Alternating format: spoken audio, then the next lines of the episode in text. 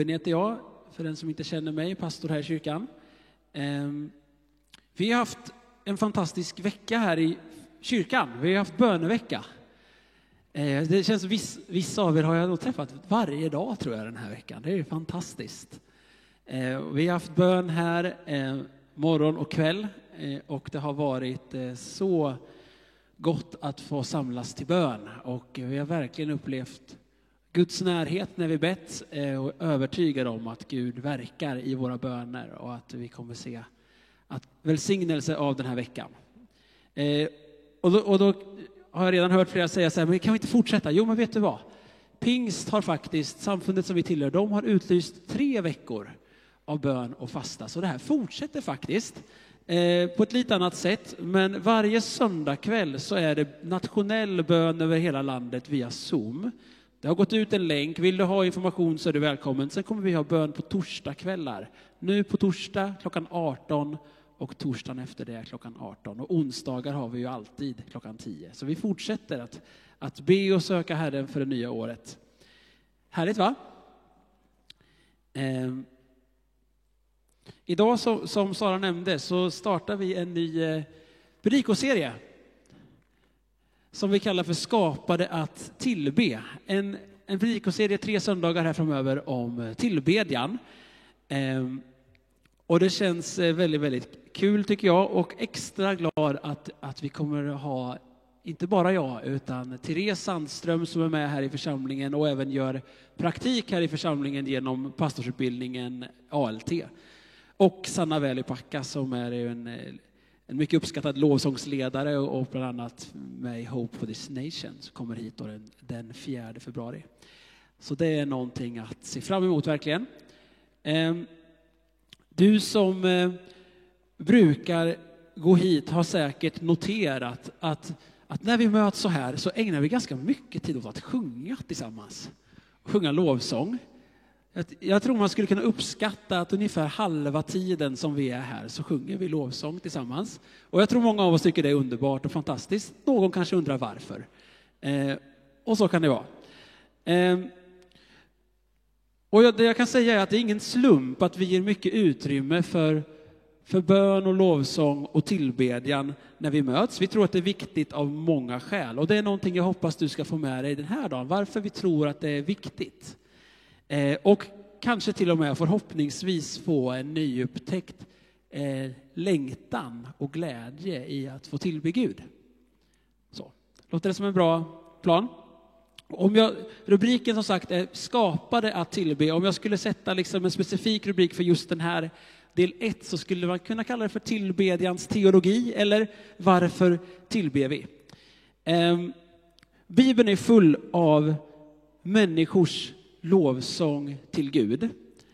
Inte minst om du läser Saltaren så är det ju så många underbara lovsånger. Människor som ut, liksom utgjuter sin kärlek eh, sin vördnad inför Gud.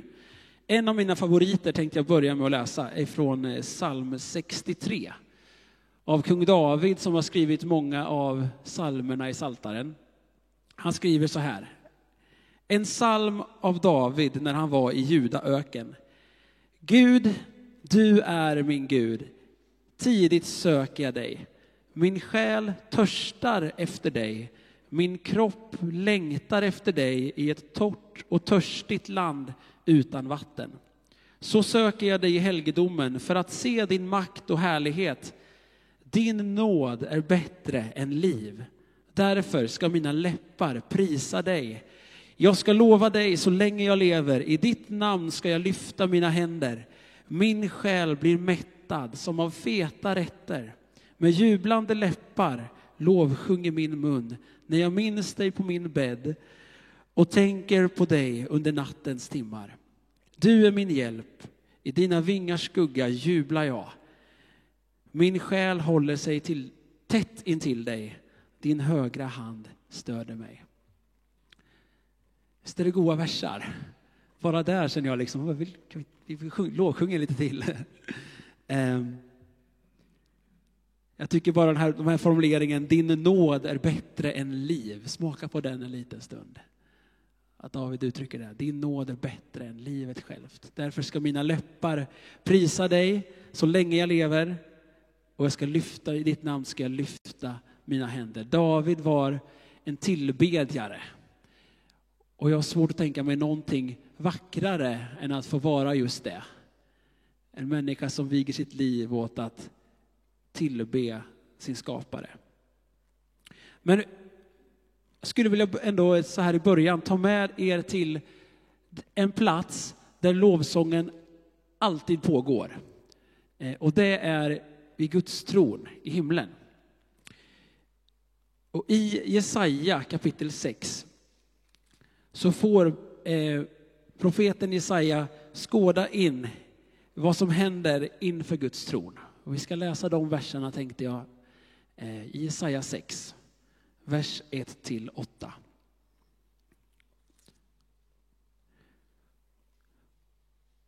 Året då kung Ussia dog såg jag Herren sitta på en hög och upphöjd tron. Och släpet på hans mantel uppfyllde templet. Serafer stod ovanför honom, var och en hade sex vingar. Med två täckte de sina ansikten, med två täckte de sina fötter och med två flög de. Och den ene ropade till den andre, helig, helig, helig är Herren Sebaot. Hela jorden är full av hans härlighet. Rösten från den som ropade fick dörrposterna och trösklarna att skaka och huset fylldes av rök. Då sa jag, ve mig, jag förgås. För jag är en man med orena läppar och jag bor bland ett folk med orena läppar. Och mina ögon har sett kungen, Herren Sebaot. Då flög en av seraferna fram till mig. I hans hand var ett glödande kol som han hade tagit från altaret med en tång. Med det rörde han vid min mun och sa, när detta har rört vid dina läppar är din skuld borttagen och din synd försonad. Och jag hörde Herrens röst. Han sa, vem ska jag sända och vem vill vara vår budbärare? Då sa jag, här är jag, sänd mig. Så Jesaja får i en syn se Gud sitta på sin tron och inför tronen är de här seraferna, ett slags änglar med sex vingar. Och strålglansen från Gud, Guds härlighet, strålglans går ut från Gud själv och änglarna täcker sina ansikten och sina fötter med vingarna och har två över att flyga med. Men det är som att strålglansen liksom sipprar igenom de här vingarna och, och, när de, och när den träffar dem så utbrister de spontant. Helig, helig, helig är Herren Sebaot. Hela jorden är full av hans härlighet. Det är liksom änglarnas spontana respons på det de möter, deras respons på den Gud är i sin helighet. Helig som, som betyder avskild, skild från allting annat, upphöjt över allting annat, inte likt någonting annat, så ren att den inte kan ha med mörker att göra. Och den här lovsången pågår inför tronen. Ehm, och det verkar som att de liksom inte tröttnar. Det verkar inte som att de efter en stund säger, nej men nu kan vi väl byta sång till någon annan. Utan det här liksom pågår, den här responsen på den Gud är inför Guds tron. Och jag tycker att den här, de här verserna är en nyttig påminnelse om, om vem det är vi tillber om den, vem det är vi sjunger om och sjunger till. Att, att när vi sjunger lovsång så är det till han som sitter på tronen. Han som regerar i evighet, han som är helig, helig, helig. Det kan vara gott att få komma ihåg. Det ger ett visst mått av vördnad, tycker jag, inför Gud. Och när Jesaja beskådar detta så, så gör det någonting med honom, för i, liksom, i glansen av när han får skåda Gud själv så ser han sin egen otillräcklighet. Och han, och han utbrister, ve mig, jag förgås. För jag är en man med orena läppar och jag bor bland ett folk med orena läppar. Men så händer det fantastiska att en ängel kommer med ett kol från altaret och rör vid hans mun och säger, när det här har rört vid dina läppar så är din, din skuld försonad och din synd borttagen. Och jag tycker att det är en sån mäktig bild på det som Jesus har gjort för dig och mig. För oss är det inte ett kol från altaret utan det är hans kropp och hans blod som vi får ta del av, hans offer. Och när, och när det får röra vid våra liv blir vi rena och försonade med Gud själv och kan stämma in i den lovsång som pågår inför hans tron. Och vi sänds ut till den här världen att vara hans budbärare.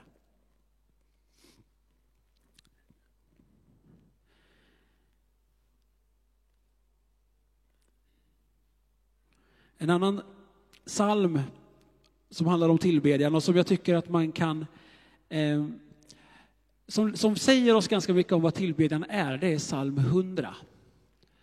Så den tänkte jag vi skulle läsa. Psalm 100, vers 1-5 står det så här. En tacksägelsesalm. Ropa till Herren, hela jorden. Tjäna Herren med glädje, kom inför hans ansikte med jubelrop. Tänk på att Herren är Gud. Han har gjort oss och inte vi själva till sitt folk och får i hans jord. Gå in i hans portar med tacksägelse, i hans gårdar med lovsång. Tacka honom, lova hans namn, för Herren är god. Evig är hans nåd. Från släkte till släkte varar hans trofasthet.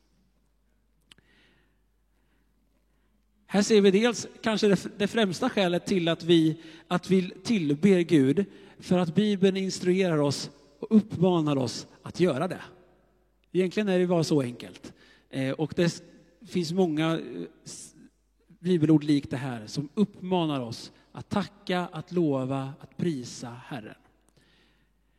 Men den här salmen visar oss också flera andra viktiga saker om lovsång och tillbedjan. Eh, och en viktig poäng eh, som vi ser här är att tillbedjan handlar inte om oss. Tillbedjan handlar inte om oss. Vi läste här, tänk på att Herren är Gud. Han har gjort oss och inte vi själva. Tänk på att Herren är Gud. Tillbedjan tar sin utgångspunkt i detta ganska grundläggande och kanske självklara att, att det är Gud som är Gud och jag som är människa. Han har gjort oss, inte vi själva. Lovsång och tillbedjan handlar om vem Gud är.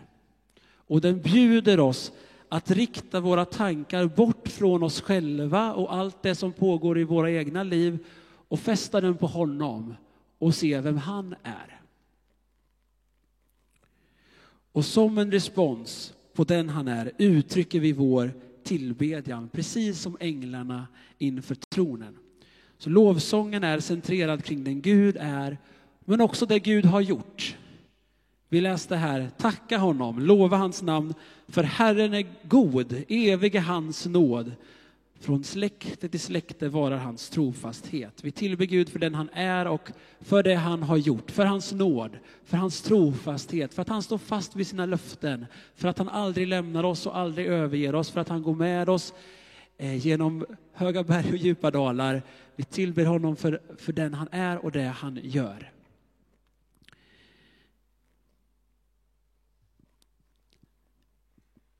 Tillbedjan är alltså inte till för mig. Den är inte till för att få mig att må bra.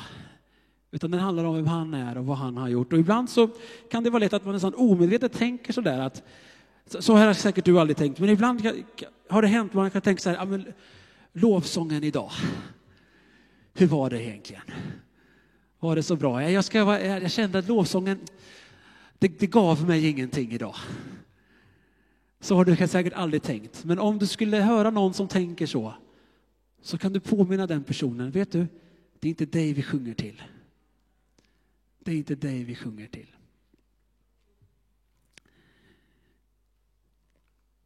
I den här salmen ser vi också att tillbedjan är en väg in i Guds närvaro, in i hans närhet. Det står ju så här, gå in i hans portar med tacksägelse, i hans gårdar med lovsång. Och när jag läser det så läser jag det lite grann som en karta eller en vägbeskrivning. Gå in i hans portar med tacksägelse, i hans gårdar med lovsång. Alltså om du längtar efter mer av att, att få leva i Guds närhet, om du längtar efter mer av hans närhet, att få, att få leva i hans gårdar, som psalmisten uttrycker det, att få vara i hans gårdar, ja, men då är vägen dit tacksägelse och tillbedjan. Det är ett sätt för oss att närma oss Gud. Och det tror jag att vi är många som kan vittna om. Att, att ibland när våra tankar börjar snurra och vi blir så uppfyllda av våra egna små och ibland stora bekymmer, så kan Gud kännas ibland så väldigt långt borta. Men när jag liksom stillar mig och lyfter min blick och, och börjar tacka honom för den han är och för det han har gjort, så är det som att någonting händer. Plötsligt skiftar fokus. Och han kan fylla mig med sin frid och med sin närvaro.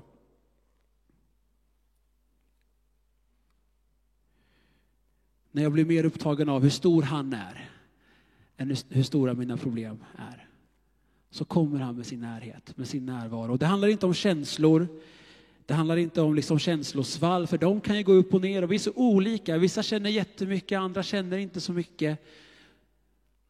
Men tillbedjan är en, är en väg in i Guds närvaro. Och det där är ju lite, hur ska vi förklara det där? För Gud är ju alltid här, han är alltid närvarande. Men ibland är det ändå på något sätt som att Gud kommer, Gud kliver in i rummet. Han är alltid, han är alltid hos oss, men Förstår ni vad jag menar? Ibland är det som att Gud kliver in och vi alla kan förnimma att Gud är här. Hans närvaro är här.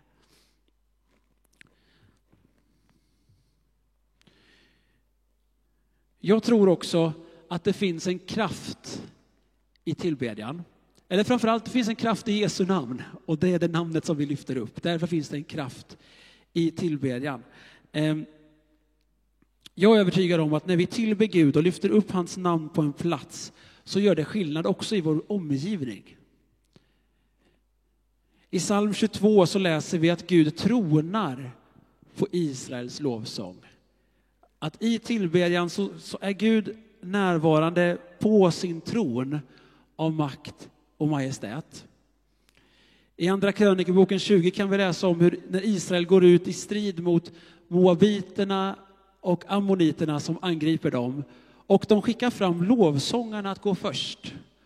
Och lovsångarna går framför armén och sjunger Tacka Herren, evig är hans nåd. Och som en följd av det så ger Gud Israel en, en mäktig seger. Den där historien har kanske några av oss hört förut och, och man kan tycka att ja, det, är en, det är en härlig berättelse. Lovsångarna gick först och så vidare. Och, och därför ska vi ha lovsång först i mötet, för lovsångarna gick först och så vidare. Men tänk att det faktiskt var så det gick till.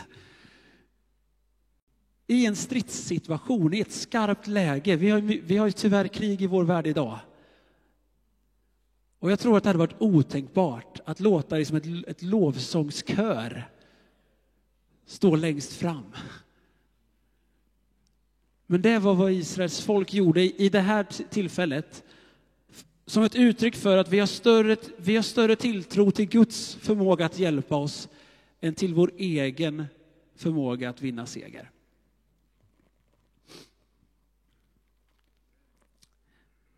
Det finns en kraft i tillbedjan, inte för att tillbedjan är något magiskt i sig, utan för att Jesu namn över alla andra namn. Och när vi lyfter upp det namnet, när vi proklamerar hans seger och hans namn på en plats så händer någonting. I Apostlagärningarna 16 så kan vi läsa om hur Paulus och Silas sitter fängslade i Filippi för att de har befriat en slavfricka från en, en spådomsande. Och i verserna 25 och 26 så kan vi läsa så här. Vid midnatt var Paulus och Silas i bön och lovsång till Gud medan fångarna lyssnade på dem. Plötsligt kom ett kraftigt jordskalv så att fängelset skakades i sina grundvalar. I samma ögonblick öppnades alla dörrarna och allas bojor lossnade och föll av. Jag tycker om att det står att de var i bön och lovsång. Det finns ju inget motsatsförhållande mellan bönen och lovsången. Ibland kan vi nästan tänka det, ska vi be eller ska vi lovsjunga? Paulus och Silas var samlade till bön och lovsång. Och när de lyfte upp Jesu namn på den platsen så skakade marken och allas bojor föll av. Det är alltså inte bara Paulus och Silas bojor som faller av, utan allas. Alla som var där, alla som kom inom hörhåll för deras bön och lovsång, kom ut i frihet. Så det är min övertygelse att när vi lyfter upp Jesu namn tillsammans här, vecka efter vecka, så tror jag att det gör skillnad för, för vår stad, för vår kommun. Att bojor faller av, att bördor lyfts av, att, att mörkret viker undan. Det gör någonting med atmosfären runt omkring oss när vi tillber. Jag vet inte om du tänker på det, men, men tillbedjan är en form av andlig krigföring på det sättet. Jag minns en gång för, jag tror det är ungefär 15 år sedan, i min hemförsamling, eh, så hade vi en gång ett eh, lovsångsmaraton. Vi hade 12 timmars eh, obruten tillbedjan från morgon till kväll en, en lördag. Eh, jättehärligt. Och sen på söndag förmiddag, när vi har gudstjänst, så dyker det upp en kvinna i kyrkan som vi aldrig har sett förut. Och vi pratar med henne och så berättar hon att ja, så jag bor här i närheten och, och igår eftermiddag så, så bara tänkte jag så här att jag går förbi den där kyrkan varje dag, men jag har aldrig varit inne. Jag tror jag ska gå dit imorgon. När vi tillber och lyfter upp namnet Jesus så händer någonting. Okej. Okay. Orkar ni en liten stund till? Rubriken för den här serien är som sagt Skapade att tillbe. Och det tror jag är sant om dig och mig. Vi är skapade att tillbe vår Gud. I Romarbrevet 11 så skriver Paulus så här.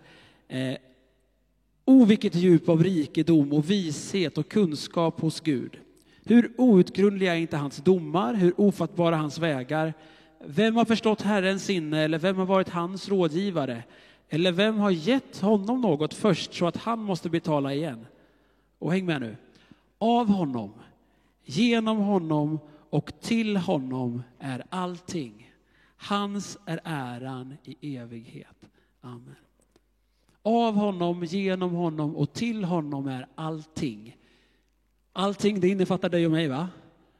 Så vi är skapade till Gud, av Gud, genom Gud och till honom. Vi är skapade för, för honom. Vi är inte till för vår egen skull, för att förverkliga oss själva, utan vi är till för att ära och förhärliga, förhärliga honom. Att leva för honom, tjäna honom och tillbe honom med våra liv. Psalm 95 säger så här, kom, låt oss falla ner och tillbe, böja knä för Herren vår skapare, för han är vår Gud och vi är folket i hans jord, fåren i hans vård. När vi tillber så intar vi på något sätt vår, vår rätta position. Den position som vi är ämnade för och skapade till. Gudscentrering istället för självcentrering. Och det är en underbar plats att vara på. Så vi är skapade för att tillbe och upphöja Gud. Och jag tror att vi människor är tillbedjande varelser. Vi är tillbedjande varelser och det betyder att vi kommer alltid tillbe någonting. Frågan är bara vem och vad. Så frågan är inte om vi tillber, utan vad vi tillber. Och hur vet man vad det är man tillber? Jag tror att i mångt och mycket, det som får vår tid, vår kraft och vår kärlek, är också det vi tillber.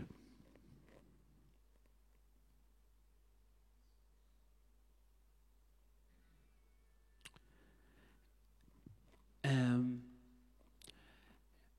Ni märker kanske att jag använder ordet tillbedjan ganska mycket här. Och jag använder medvetet ordet tillbedjan framför lovsång. Därför att lovsång får oss så lätt att tänka på musik och kanske speciell form av musik. Men tillbedjan handlar varken om musikstil eller ens om musik, utan om hjärtats hållning.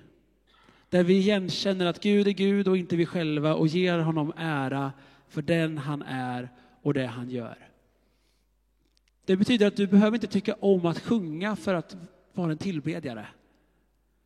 För tillbedjan handlar om vad som pågår här inne. Det behöver inte vara en viss typ av musik. Det går lika bra med gamla som nya sånger eller helt tyst. Varför har vi då ändå musik? Jag tror att det är en hjälp för oss att uttrycka vår tillbedjan tillsammans. Det finns en kraft i den, liksom, den gemensamma, kollektiva tillbedjan. Och en gemensam text med melodi hjälper oss att tillsammans uttrycka lovsången från, från oss som, som ett folk. Så jag vill uppmuntra dig att vara med i sången. Det spelar ingen roll hur det låter. Det handlar om ditt hjärta. Men även om du av någon anledning väljer att inte sjunga så kan du ändå vara med i ditt hjärta och stämma in i den lovsång och den tillbedjan som vi stämmer upp tillsammans.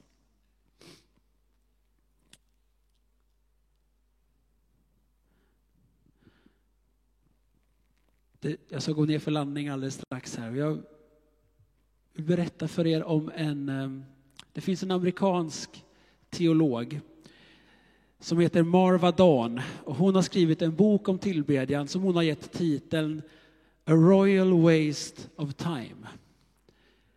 A Royal Waste of Time, ett kungligt slöseri med tid. Jag tycker det är en härlig formulering. För på ytan är ju lovsång och tillbedjan ett slöseri med tid. Det är varken produktivt eller effektivt. Vi kommer sällan fram till någonting. Vi bara spenderar tid att lovsjunga Gud. Vi slösar vår tid och vår kärlek på Jesus. Men det är ett kungligt slöseri. För det är kungars kung vi tillber och därför är det aldrig bortkastat. Det får mig att tänka på kvinnan i Matteus 26. Jag vill avsluta med att läsa hennes berättelse. I Matteus 26, vers 6-13. När Jesus var i Betania, i Simon den spetälskes hus, kom en kvinna fram till honom. Hon hade en alabasterflaska med dyrbar olja och hon hällde ut den över hans huvud där han låg till bords. När lärjungarna såg det blev de upprörda och sa, varför detta slöseri? Den kunde man ha sålt för mycket pengar och gett till de fattiga. Jesus märkte det och sa till dem, varför oroar ni kvinnan? Hon har gjort en god gärning mot mig. De fattiga har ni alltid hos er, men mig har ni inte alltid. När hon hällde den här oljan över min kropp gjorde hon det inför min begravning. Och jag säger er sanningen, överallt i hela världen där detta evangelium förkunnas ska man också berätta vad hon gjorde och komma ihåg henne. Kvinnan häller den här dyrbara oljan över Jesus. Man tror att den var värd omkring en årslön och kanske var det hennes pensionssparande. Som hon tar och bryter och häller över Jesu, Jesu hår. Som ett uttryck för sin kärlek och sin tillbedjan. Ett slöseri, absolut. Men ett välbehagligt slöseri inför Gud. Och det är min bön för dig och mig de här veckorna att vi ännu mer skulle få upptäcka glädjen och välsignelsen i att få slösa vår kärlek på Jesus. Att få spendera tid att bara älska honom för den han är och det han har gjort. Att vi skulle få bli gudscentrerade istället för självcentrerade. Och upptäcka hur tillbedjan för oss in i hans närvaro och den plats som vi är skapade för. Jesus, du är värdig. Du är värd all vår kärlek, all vår tillbedjan, all vår lovsång. Tack för den du är. Tack för det du har gjort. Herre, jag vill be för min egen del och för var och en av oss här att, att vi skulle få upptäcka ännu mer djupen av att få vara nära dig, djupen av att få tillbe dig, att söka dig, att ära ditt namn. Att du skulle ta oss ett steg närmare, ett steg djupare dig de här veckorna. Det är min bön, Jesus. I Jesu namn. Amen.